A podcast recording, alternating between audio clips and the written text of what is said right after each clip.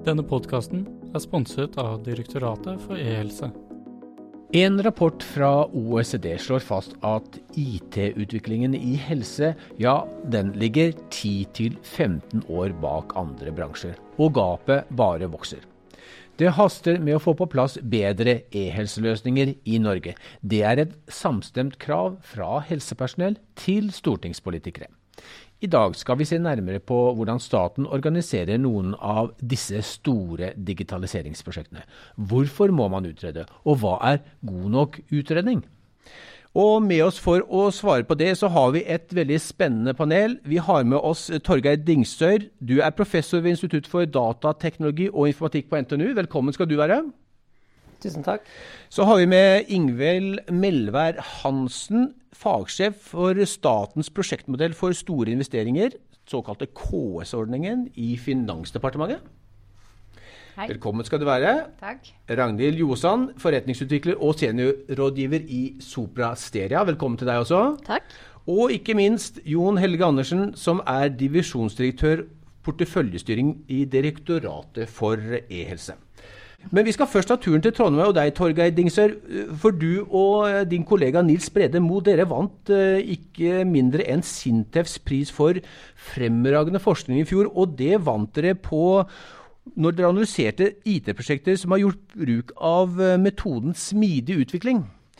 Eh, Torgeir Dingsør, kan du aller først forklare for oss hva er smidig utvikling? Ja, eh, smidige metoder kom som eh, et resultat av bekymring i IT-bransjen på 90-tallet. At man sprakk på tid og kostnader. Eh, og tanken da var at eh, man spesifiserer prosjekter eh, godt eh, og organiserer prosjekter i faser. Eh, og det er måten man, eh, man leverer godt på. Eh, Men den tanken ble utfordret av bransjefolk som, eh, som mente at det går an å lage høykvalitetssystemer eh, med å bare utvikle litt og litt mer funksjonalitet. Eh, Og det er en del eh, spesielle karakteristika med smidige metoder. Det ene er eh, at du da gjør såkalt evolusjonær utvikling, lager litt og litt. Eh, Du legger til rette for fleksibilitet i løpet av utviklingsprosessen. Eh, Det er veldig orientert rundt teamarbeid. Eh, Og du har brukere og kunderepresentanter veldig tett kobla på utviklingsarbeidet. Kan kan jeg spørre deg, hva, hva var konklusjonen som eh, du og kollega Nils Brede Moe eh, fant?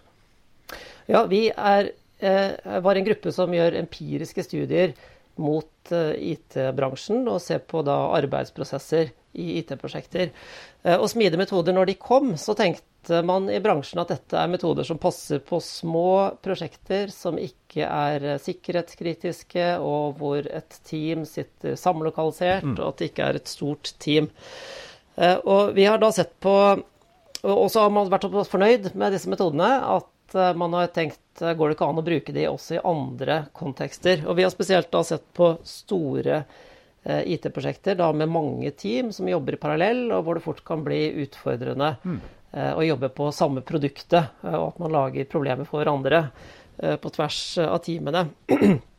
Så har vi sett på store prosjekter og sett eh, hvordan jobber de da med inspirasjon av de metodene som fungerte bra på små team, og hva trengs å endres på når man da kommer over i større eh, prosjektsammenhenger. Og, og har det dere har funnet, ha, har det relevans for disse store IKT-prosjektene i, eh, i helse- og omsorgssektoren, som, som, eh, som involverer jo eh, kanskje 20-30 konsulenter, kanskje enda mer, og koster over mange milliarder kroner? Ja, altså vi har jo sett på andre domener, men vi tenker at disse metodene gjelder, eller er, fungerer i, i, i alle settinger hvor det er snakk om komplekse systemer. Eh, og, eh, eh, og, det, og det er jo system, altså metoder som er designa for fleksibilitet og designet for å håndtere læring eh, underveis. Eh, Så spesielt der det er eh, ukjent eller ja, man mangler kunnskap kanskje om krav til et system, og hvordan det kravet best kan implementeres, eh, da, da egner smidige metoder seg. Nettopp. Så du, du mener at uh, din diagnose er at smidige metoder kan brukes på store IKT-helseprosjekter? Uh, ja, vi kjenner vel ikke til uh, noen studier fra vårt felt akkurat på helseprosjekter. Nå er det stort sett telekomprosjekter vi har gode studier på. Eh, og fra offentlig sektor ellers mm. rundt mm. saksbehandlingssystemer eh, fra Norge. Mm.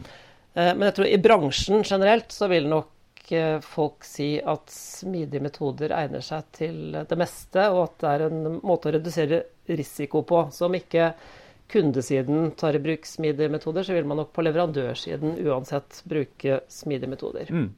Ingvild eh, Melvær Hansen, fremdeles fagsjef for, for, statens prosjektmodell og KS-ordning i Finansdepartementet. Som, som Torgeir her sier, så er det jo en uh, ganske mange av disse prosjektene som sprekker på både tid og kostnad og, og kvalitet.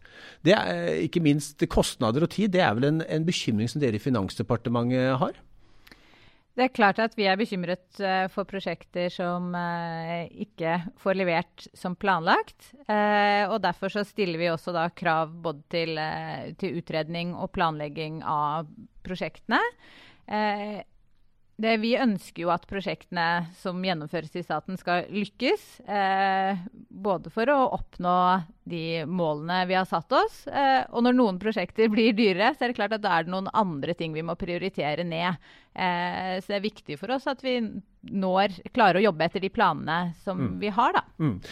Statens prosjektmodell innebærer jo at uh, eh, IKT-prosjekter over 300 millioner kroner de skal ha en spesiell, uh, grundig utredning. og Det skal også legges fram for storting og regjering. Er det, er det for, stille spørsmålet enkelt, er det, er det en altfor grundig prosess som gjør at prosjektene tar for lang tid, og at uh, det blir for mange kokker og for mye søl? Jeg syns ikke det.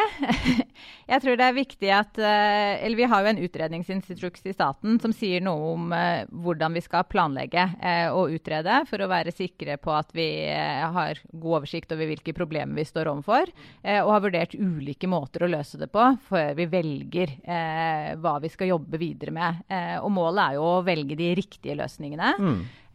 og at vi skal lykkes med å gjennomføre de på en god måte så stiller vi jo krav om at de utredningene skal være grundigere for de største prosjektene. Altså ut fra at prosjektene er mer komplekse og har eh, mm. større risiko. Eh, og så tror jeg det er viktig at vi skal ha en demokratisk kontroll med hvilke prosjekter vi prioriterer. Det er klart det er mange samfunnsproblemer vi står overfor, og mange som ønsker eh, tiltak på sine områder. Eh, og den prioriteringen eh, ligger jo på det politiske mm, nivået mm, eh, i Norge. Ja, og ikke bare i IKT-helseprosjekter, det, eh, det, er prosjekter i alle sektorer, egentlig? Det er mange ja. sektorer som opplever problemer, både på digitalisering, men også selvfølgelig andre typer ja. investeringer. eller... Eh, mm. Jon Helge Andersen, du er divisjonsdirektør for porteføljestyring i Direktoratet for helse og, og, sitter med mange av disse prosjektene. Mm. Eh, eh, Torgeir eh, Dingsøy snakker om smidig utvikling. Er det en modell som dere også bruker i disse prosjektene, eller uh, går dere annerledes til verks? Nei, det, vi jobber smidig. Uh, så spørsmålet ditt innledningsvis, mm. uh, begge enten eller, eller ja takk. Hva er det så for noe? Smidig utvikling, ja takk. Ja takk, begge deler. Begge deler. Ja. Vi, er, vi, jobber smidig i våre også store mm. programmer mm. og prosjekter. Mm. Vi trenger også utredningsinstruksen. Mm. Uh, så vi er i full støtte til uh, det Finansdepartementet sier her, mm. Ingvild. Um, og det kommer vi litt tilbake til etterpå, kanskje. fordi uh, dette, disse strukturelle barrierene du nevnte innledningsvis, mm. OECD-rapporten, mm. hvorfor ligger vi 10-15 år bak på helsesektoren? og det, som rapporten sier, det ligger ikke i teknologien. Mm. Det ligger i dette mystiske ordet 'strukturelle barrierer'. Mm. Og hva er nå det? Mm, ja, hva er det? Ja, Det er, det er, det er styring. Mm. Det er organisering. Antall aktører. Liksom, mm. Roller og ansvar. Ja. Det er uh, finansiering. Ja. Det er lovverk. Eh, og det er kultur og terminologi og felles språk og sånne ting som på en mm. måte gjør at vi kan samhandle. Mm. Når vi beveger oss ut fra enkeltvirksomhetsperspektivet, og liksom oppover på tvers av sektorer og alle virksomhetene under én sektor. Det vi snakker om samhandling, mm. samhandlingsevne, digitalisering, handler veldig mye om å dele data, dele informasjon på tvers. Mm. Da tror jeg en av årsakene til at uh, mange av de tidligere store forsøkene har sprukket på tid, kost, kvalitet, er for at man før eller siden stanger borti i disse strukturelle mm. barrierene mm. hvis ikke man utreder dem veldig nøye i forkant. Uh, og for å være helt konkret, hva var det de, du sa, de, de, strukturelle barrierene? Hva er det de største anstøtestenene som du mener er i disse IKT-helseprosjektene? Jeg kan si sånn, i, i velfungerende, moderne plattformøkosystemer, mm. som vi kjenner fra, fra, Facebook og Google og osv., da er på en måte definert veldig tydelig spillereglene. Altså hvem er, hvem er kundene, hvem er eh, leverandørene, hvor går pengene, er det innafor eller utafor et lovverk osv. Eh, I mangel på det definerte kan du si, eh, spillereglene, så, eh, så, vil man ikke lykkes heller med å utvikle altså vil, Man kan godt jobbe smidig, eh, men før eller siden så vil man komme borti problemstillinger som tar lang tid å løse, mm. og som vil ha store kostnader for enkeltaktører, som kanskje, ikke, som kanskje får gevinster et annet sted enn der eh, investeringene gjøres. Mm. Um, så det er, det er, rett og slett en del av demokratiet vårt å sørge for at ikke vi uh, setter i gang store tiltak og investerer penger uh, på tiltak som ikke egentlig løser det riktige problemet, mm. og som ikke gir forventet nytte. Uh, og som skaper uheldige virkninger for aktører vi ikke tenkte på. For, og det har jeg vært med på før i tidligere digitaliseringsprosjekter, at man kommer på for seint. Mm. At man har ikke den nødvendige hjemmelen for å innføre løsningen, uh, osv. Så, videre. så Så det er det det handler om. Ragnhild Josan, du er jo som sagt forretningsutvikler og seniorgiver i Sopra Steria. og Dere jobber jo med både offentlige store prosjekter som innleide konsulenter og for, på privat virksomhet. Eh, hva vil du si, er det, er det store forskjeller mellom, uh, mellom den, den, type prosjekter både i offentlig eller privat? Eh, sånn rent eh, prosjektteknisk så tenker jeg at det ikke er det. Det er veldig mange likhetstrekk. man skal løse et problem og gi verdi til noen brukere. og finne den beste måten å gjøre det på. Eh, og så er det jo selvfølgelig noen sånn rammebetingelser eh, rundt eh, som, som, påvirker eh, hvor, lett det er, hvor lett eller vanskelig det er. Da. Mm. Eh, og som Jon Helge sier, altså disse strukturelle eh, barrierene som man bør ha det påvirker. Mm. Eh, selvfølgelig eh, gjør det det. Eh, men jeg tenker at det, det går fint an å drive smidige prosjekter og god produkt- eller tjenesteutvikling i offentlig sektor, på lik linje med privat sektor. Mm, Man må bare finne måter å håndtere det handlingsrommet på. Vi, vi hører jo her at, at, at, det offentlige og det private kan bruke smidig utvikling. Men de barrierene som her diskuteres, det gjør jo ofte at eh, utredningene i det offentlige tar så lang tid at problemstillingen som, først, som, som var fokus for analysen, den har kanskje endret seg så kraftig at beslutninger som storting og regjering til syvende og sist tar, ikke lenger svarer på problemet? Eller, eller hva? Ja. Nei, altså Der tror jeg det er viktig å få med seg uh, den endringen som er gjort i, i utredningsinstruksen for noen år siden.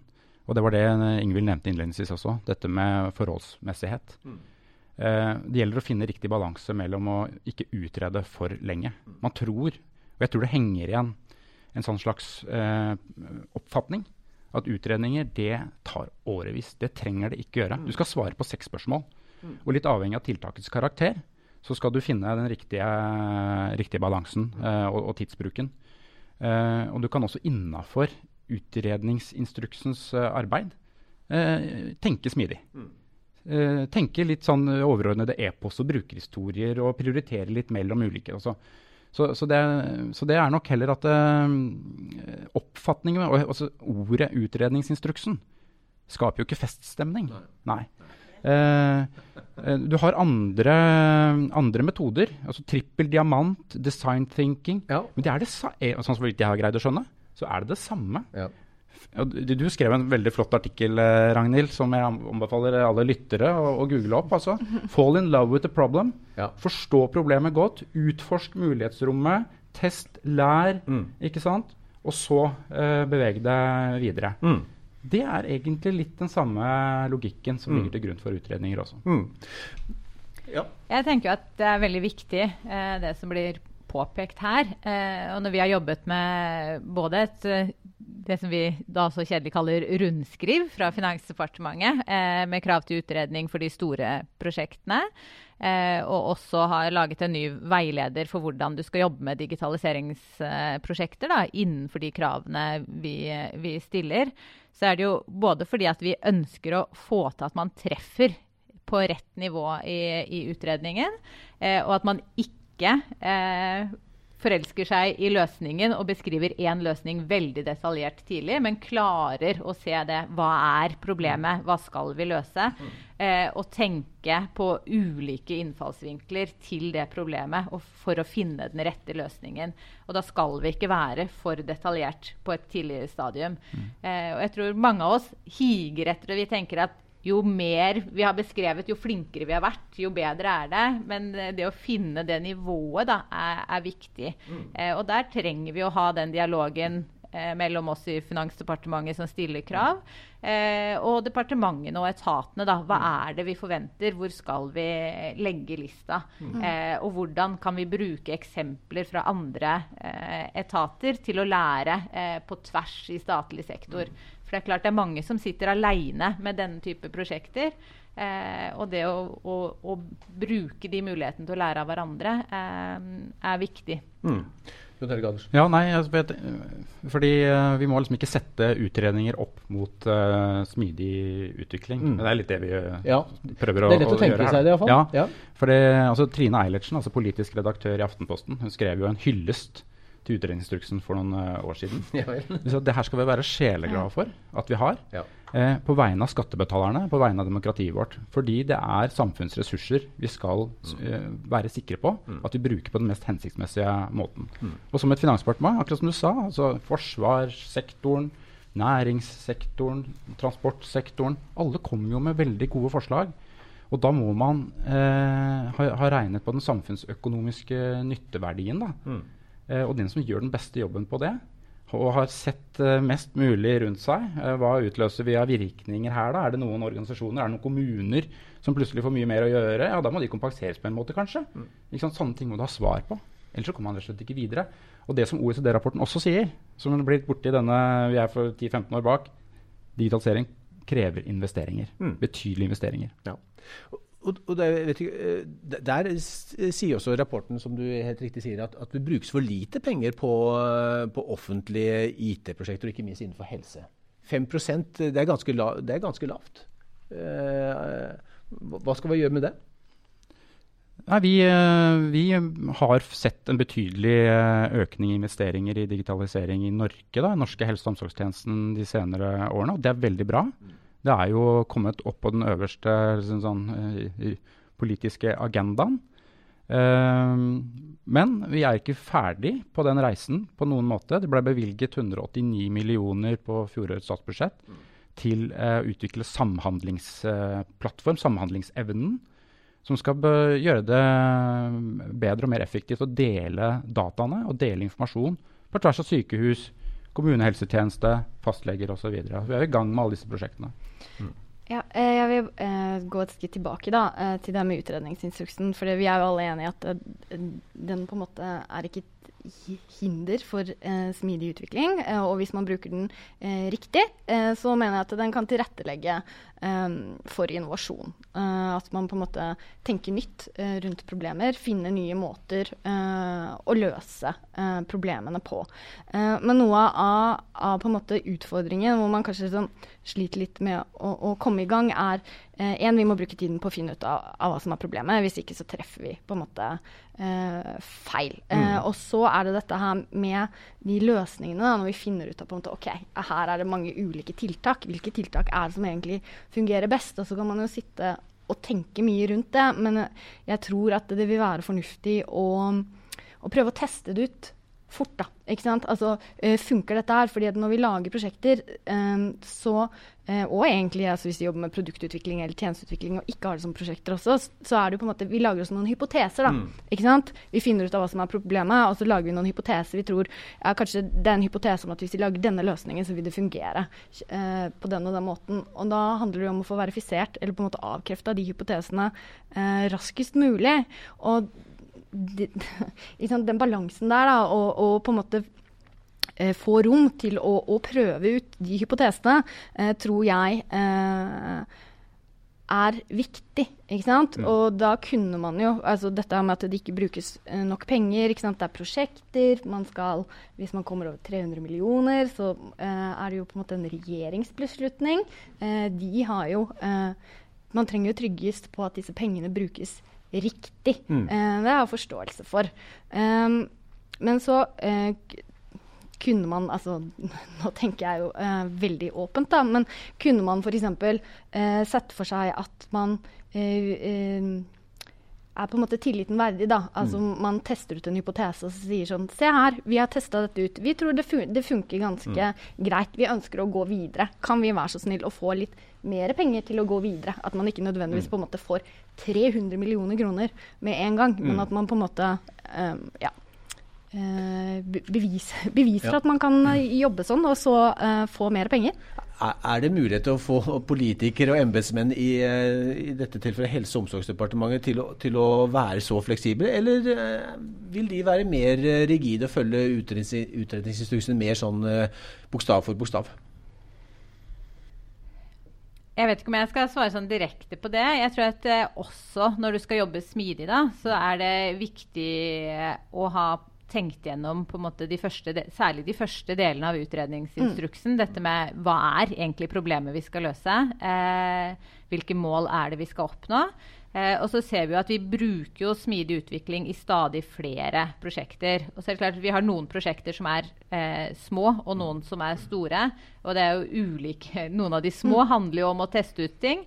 Eh, og noen av de store handler kanskje om at det er store systemer med mange brukere, eller, eller veldig viktige samfunnsinfrastrukturer, da, hvor vi jo, kanskje det, det, er ikke like stort rom for å teste. Eh, for du må vite at uh, sykepengene kommer fram når du tar i bruk et nytt system, f.eks. Mm. Mm. Men, eh, men eh, tanken om at eh, vi skal ha prosjekter som leverer deler underveis, som genererer nytte for befolkningen underveis i gjennomføringen, tenker jeg er en veldig god tanke. Og muligheten til å lære fra de på en måte første stegene du tar, til de neste. Og det ser vi jo at vi eh, også bruker. Og vi har jo flere av de eh, IKT-satsingene eh, som vi har nå, så har man på en måte en tanke om et lengre løp man skal gjøre. Hvor, hvor skal vi ende på dette området i vår sektor? Eh, og en plan for det. Og så får du finansiering til deler underveis. ikke sant? Mm. Hvor du må lykkes med de første delene og lære av det du gjør der, mm. før du kommer til neste steg. Mm. Eh, Jon Helge Anders, Er det musikk i dine hører? Det ja. Dere som jobber i direktoratet? Det er det absolutt. Jeg tenker at det er, eh, det er god tenkning inn eh, i, i nær framtid. Mm. For det handler egentlig om eh, en mer trinnvis og fleksibel gjennomføringsstrategi. Mm. Uh, så hvis vi tenker oss at først må vi på en måte utrede og, og sørge for at vi uh, har et tiltak som er Og Vi har sett på andre tiltak også, for det er som vi er for flinke til å gå på løsning for kjapt. Men når vi først har fått kanskje en investeringsramme, så kan man begynne å tenke og klippe opp i mindre biter og finansiere hver bit. Og hver bit må også kunne stå på egne bein og levere gevinster og, og nytte. Vi kan tenke design to cost-prinsipper. At du får en ramme og så, så jeg innenfor sånn minste Altså minimal, minimum viable product. Altså minste Jeg husker ikke hva på norsk. Men, Minste eh, brukbare produkt. Eh, riktig. Mm. Uh, og den, så, så, det er Det er allerede også i gang på en måte. Uh, vi sitter også nok igjen i en sånn uh, skrekken for sånn som vi gjorde det før, med fossefall, mm. detaljerte kravspesifikasjoner som skulle treffe et veldig detaljert målbilde mange år fram i tid. Er, jeg, jeg, jeg, kjenner ikke til noen som er der lenger. Mm. Jon Helge Dingsør, eh, dere har jo utredet bl.a. Eh, og sett på analyser på, av Statens pensjonskasse. Altså, hva var det dere fant der? Er, det, er, den debatten som vi nå har rundt bordet, er, samstemmer det med noe av det, det dere fant i, i det prosjektet? Ja, eh, Torgeir Dingsør. Så eh, det vi fant eh, i i Statens pensjonskasse, det var jo et, eh, et milliardprosjekt. Eh, og det vi har hørt fra utviklingsteam eh, tidligere, det er jo at de ofte sliter med prioriteringen fra forretningssiden, og at man har vanskelig tilgang på forretningssiden. Og det, det blir veldig dyrt hvis du har programvareutviklere som er høyt engasjert, altså må sitte og vente på avklaringer fra forretningssiden. Så så i de prosjektene som vi har studert i Norge, som da har vært uh, suksessprosjekter, så har man da vært veldig flinke på å ha godt med ressurser på forretningssiden. Uh, og veldig flinke ressurser fra forretningssiden. Uh, veldig tett kobla på utvikler, utviklingsteamene. Mm. Um, og, så tror jeg at, også at det er veldig fornuftig at du må tenke at skal du starte et stort prosjekt, så, så, bør du jo ha ganske klart for deg hva nytten skal være uh, av prosjektet. Uh, og at man trenger mer planlegging uh, i forkant i et større prosjekt enn i et mindre prosjekt. og så er vel generelle råd fra bransjen at start smått. og og ikke kjør store prosjekter hvis ikke du må. Men av og til så trengs det store prosjekter fordi at det er et såpass komplekst problem og så mye som må på plass før du kan levere noe som vil være en fungerende løsning eh, for, eh, for brukere. Men, men, det å holde seg på såpass høyt nivå når, eh, i tidlige faser da, at man ikke spesifiserer for mye og tar for mange valg, men, men lar da utviklingsteam ta en del av valgene og åpne opp for at veldig mye læring skjer når man faktisk begynner å lage en løsning. Eh, og se hva er det som er mulig teknisk, hva er det som er enkelt teknisk. Eh, og hva er det man får av tilbakemelding fra brukere mm. eh, på det man har laget så langt. Det som Torgeir Dingsør her sier, altså start i det små. Er det, er det et godt råd også i store helse-IT-prosjekter? Ja, det er det sikkert, men ikke alltid. Mm. Jeg ta, hvis jeg kan ta et lite eksempel. Ja. Ikke et lite heller, for det er jo, som Torgeir sier, eh, noen ganger behov for store prosjekter også.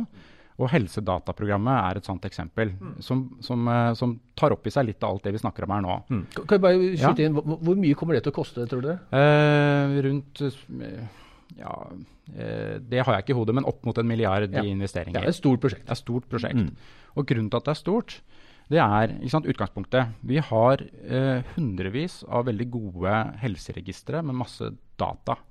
Eh, de er organisert under veldig mange forskjellige virksomheter. For forskere som forsker på bedre helse og, og, bruk av helsedata, så er det veldig tidkrevende å, å søke og finne fram til disse dataene. Mm. Eh, så Helsedataprogrammet skal eh, rett og slett eh, tilgjengeliggjøre disse helsedataene, sånn at det blir raskere og bedre og mer effektiv forskning, og etter hvert også til innovasjon og til næringsliv. Hva støter vi på da, når vi skal realisere det konseptet? Og Da kjørte vi jo først en, en, en utredningsprosess etter en sånn konseptvalgutredning for å finne eh, hva er den beste måten, eh, uten å være helt detaljert på, på, hvordan vi skulle løse det. Eh, vi måtte etterpå, det, vi, vi, ser på nye organisasjonsformer. Vi etablerer rett og slett en ny organisatorisk tjeneste. Vi har endret helseregisterloven, og nå er det en forskrift på høring, så det er et lovverksarbeid. Vi ser på, på, på eh, harmonisering av variabler og kodeverk og sånt, også innmaten i dataene. Og vi utvikler Helseanalyseplattformen og nytt saksbehandlingssystem og en ny portal for, for forskere å gå inn på. Og Der jobber vi eh, smidig. Eh, bruker smidig utviklingsmetodikk. Skal jobbe tett med brukerne. Forretningssiden som Torgeir sier er utrolig viktig, og i første omgang så er det forskerne. Så, sånn at vi hele tiden eh, har en produktkø og prioriterer det som gir mest nytte med lavest risiko. Mm. Uh, og en ny finansieringsmodell for helheten her. Så her, her endrer vi jo de strukturelle barrierene, mm. samtidig som vi tenker trinnvis, skrittvis, lærer underveis. Og, og, her har du fått godkjent fra storting og regjering på å sette i gang? Ja. ja. Vi har en KS2-prosess på det. Så vi har fått de investeringene og har uh, den finansielle rammene. Uh, så det er et eksempel på at vi hadde ikke kunnet begynne i det små her med ett register og så to. For det er, dette er svær sektor. Mm. Ja. Det jobber nesten 400 000 mennesker i denne, i denne sektoren. Ja. Og, og, I denne sektoren så henger jo, som Gro Harlem Brundtland sa, alt henger sammen med alt. Eh, skal du begynne å pirke borti noen av disse systemene, så, så kommer du fort inn i andre. Så, så, hvordan, hvordan, kan du da holde så, så, veldig mange av disse prosjektene er over 300 millioner kroner. Ja. Så, så, det betyr at det vil ta tid å få disse prosjektene i havn. Ja. Dessverre. Det gjør det. Og vi er alle utålmodige. Og vi må få mer innovasjon inn i helse- og omsorgstjenesten. Vi vil ha det raskere tempo. Vi må bruke næringslivet og det private markedet på en bedre måte. Det, det er mye å jobbe med. Eh, det er, eh, det er ingen tvil om. Men eh, samtidig så må man bare også noen ganger ta inn over seg at vi har store, komplekse systemer. Det er 17 000 aktører som, har, eh, som har, i utgangspunktet har et gitt beslutningsansvar. Da. Å få dette til å spille sammen, koordinere alle aktørene, eh, ha orden på alt lovverket. Da, da, tar det tid. Men vi jobber så raskt vi kan. Ja, Ragnhild Jorsand, du hadde en kommentar?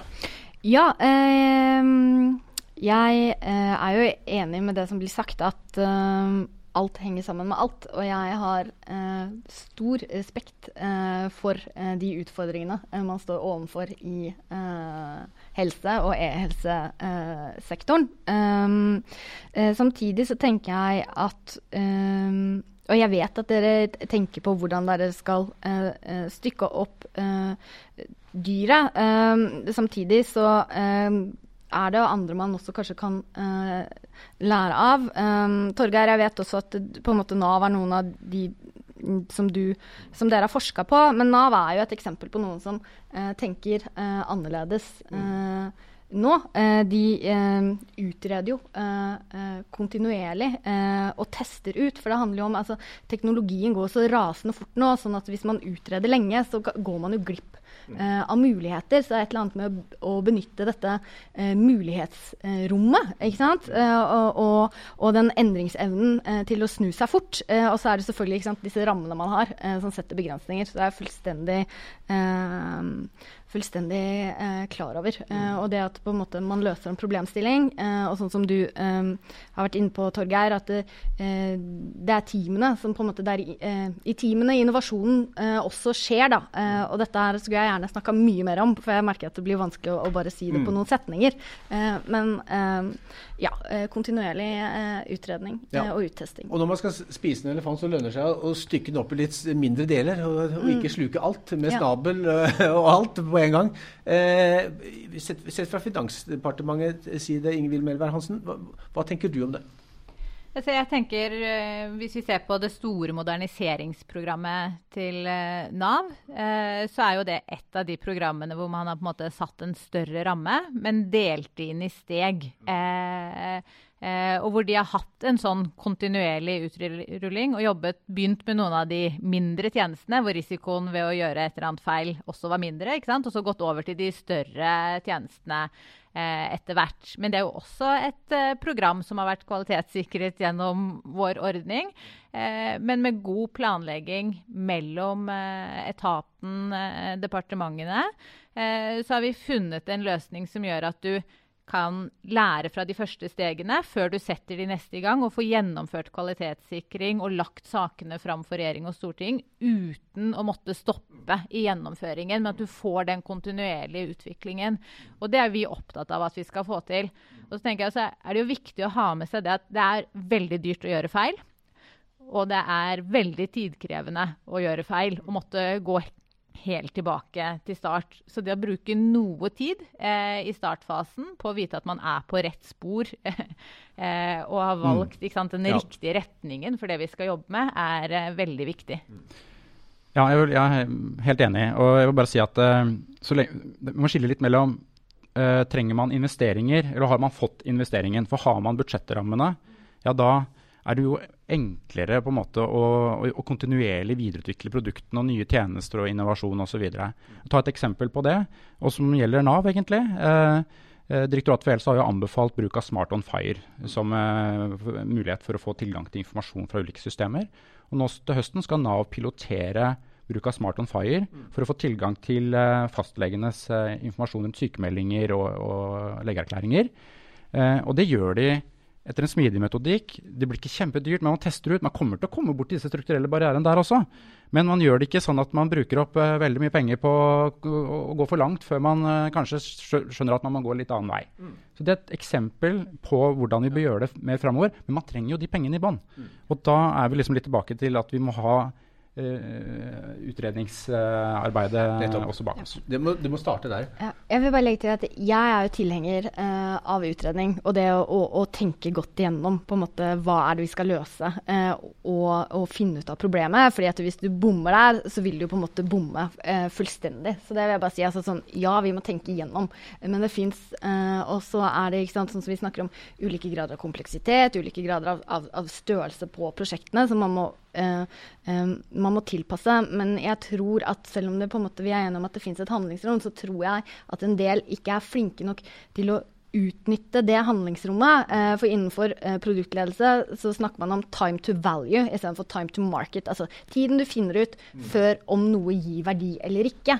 Eh, og det er det som på en måte er sentralt her. Vi ønsker ikke å gå for langt og på en måte Det er dyrt å gjøre feil, og da er det fint å finne ut av om vi gjør feil i starten og ikke i slutten. Vi nærmer oss slutten. En kjempespennende eh, diskusjon. Torgeir Dingsøy, vi, vi, må koble deg på helt på, på, slutten. Det som du startet med å si om, om, om at dette var småprosjektenes gulloppskrift, det er vel også da, etter det vi forstår, også en uh, vinneroppskrift for større prosjekter? Ja, Vår forskning tyder på det, at dette fungerer godt også i store prosjekter. Men det må gjøre på en litt annen måte enn for de små prosjektene. Eh, og så syns jeg veldig mye interessant vi har vært gjennom i diskusjonen i dag, og spesielt det her med overgangen fra, fra en sånn prosjektgjennomføringsmodell over mot kontinuerlig utvikling og kontinuerlige leveranser, sånn som Nav er et eksempel på. Eh, at mange miljøer vil nok vurdere en overgang eh, sånn som det. Men uansett så er det nok lurt å ha, det, ha tenkt godt gjennom hva man skal lage, og ha klart for seg hva nytten er Eh, skal være. Men så er det å finne riktig nivå eh, og få tenkt gjennom eh, ting på riktig tid. Så at i, i våre studier så har vi, har vi, sett på hvordan folk jobber med å løsningsbeskrive nye IT-løsninger. og ser at, at, de løsningsbeskrivelsene er ofte ferskvare. så hvis du har gjort en jobb med å finne ut hva du skal lage et år tilbake, så er det vanskelig å få overført det til et utviklingsteam Eh, senere. Eh, sånn at eh, ja, så det å finne ut hva er det man trenger å utrede tidlig, og hva er det man kan utsette, det er jo en hovedutfordring. Mm. Vi rekker en rask runde rundt bordet før vi avslutter. Skal vi først gi ordet til, til deg, Ingvild Melvær Hansen. Hva er liksom dine viktigste poenger her? Jeg tenker at Det viktigste med at vi utreder, er jo at vi får eh, på bordet eh, de tankene rundt hovedproblemet og prioritering av eh, hva er det viktig å få løst når vi vurderer en sak. og så har vi statens prosjektmodell for å stille noen krav. og Vi tror at det gir jo forutsigbarhet for virksomhetene i hvordan de skal planlegge sakene sine. Eh, og så har vi en fleksibilitet også i den modellen for å tilpasse oss til de ulike prosjektenes eh, egenskaper og behov. Eh, og vi er jo opptatt av at vi skal lære av forskning og fra praksis uh, ute i virksomhetene, sånn at vi stadig blir bedre på å mm. planlegge disse mm. prosjektene. Mm. Mm. Uh, Ingvild uh, Ragnhild Ljosan, uh, vi startet spurte innledningsvis om, om, det var utredning eller smidig utvikling. Er det enten eller? Ja takk, begge deler. Det er vel litt som Ole Brumm, da. Vi tar begge deler? Ja, jeg tenker at det er en, altså det er en forutsetning uh, for å lykkes at man har tenkt gjennom problemene man skal løse. Og det var derfor jeg i den kommentaren jeg skrev om utrednings instruksen eh, viste til på en måte design thinking og produktutvikling, fordi der eh, handler det jo også om eh, å validere. At det du lager eh, gir verdi utenfor, eh, innenfor ulike risikoer, som også går på lovverk eh, og sånne ting. så ja, man må tenke gjennom hva det er man skal gjøre. Og så er det farten etterpå, hvor, man, hvor det er ulike tilnærminger, og hvor det er flere som nå går over til um, kontinuerlig utvikling, eh, produktutvikling, unngår på en måte disse eh, skippertakene, mm. eh, men eh, ja, jobber kontinuerlig eh, underveis. Eh, og det tenker jeg er en fornuftig tilnærming for mm. mange. Mm. Mm. Jon Helge Andersen sitter på toppen av en haug med statlige IKT-prosjekter innenfor helsesektoren. Var, var dette nyttig? Absolutt. Det var kjempegøy å være her. Og det er in real life òg. Jeg har sittet i, i, kjelleren i tre måneder, så det var veldig fint å se folk igjen nå. To hovedbudskap fra meg på slutten. Ja. Eh, kontinuerlig utvikling, smidig, lage gode brukernære tjenester av brukerne for brukerne er lettere hvis vi har en arbeidsdeling med plattformbasert arkitektur, eh, API-er og en, mot et digitalt økosystem. Vi er på vei der i helse. Mm. Eh, punkt to jeg har vært konsulent i tidligere liv. Jeg har jobbet i Nav. Jeg vet det er uhyre komplekst, men tross alt, det er én styringslinje. Direktørgruppen i Nav kan ta mange beslutninger. Mm. I helse- og omsorgstjenesten er det 17 000 ulike aktører. Eh, det fordrer at vi må mm. utrede disse strukturelle forholdene. Ja. Før vi eh, går for langt. Ja, det er ikke, ikke, som et privat næringsliv. Det, det er litt mer komplekse styringsmodeller. Litt, jeg vil påstå det. Helt, helt, til slutt for deg, Torgeir Dingstør. Kan du gi de som sitter rundt bordet her, noen råd for veien videre? Ja. Ehm, fra mitt eh, forskningsfelt så, eh, så er nok det at det er alltid en eh, balanse. At, det er, det er, at når vi ser, ser, på hva miljøer gjør i praksis, at du har masse råd som kommer fra praktikerfeltet rundt hvordan det er lurt å organisere programvareutvikling. Eh, men når vi gjør empiriske studier, så ser vi at eh, ofte så er det jo en eh, kombinasjon av masse råd innenfor et felt, eller, eller masse andre ting man også er nødt til å ta hensyn til. Så, så jeg tror at det vil aldri bli løsninger som, som smidige guruer vil synes er fantastiske, og som vil løse problemer. Det er jo ikke noe konkurranse i å være mest mulig smidig, det er jo konkurranse i å lage best mulig løsninger for eh, brukerne. Nettopp. Det var gode råd på veien og en god oppfordring. Eh, IKT, gode IKT-løsninger er noe vi alle trenger innenfor norsk helsevesen. Det, det, det er en rask utvikling. Vi skal bygge forhåpentligvis gapet mellom privat sektor på 10-15 år, i hvert fall ikke da det blir større. Tusen takk for at dere ville komme. Torgeir Dingsør, professor på NTNU. Ingvild Melvær Hansen. Eh, fagsjef for statens prosjektmodell i Finansdepartementet, Ragnhild Ljosan, som er forretningsutvikler og seniorrådgiver i Soplasteria, og Jon Helge Andersen, divisjonsdirektør porteføljestyring i Direktoratet for e-helse. Tusen hjertelig takk for at dere kom.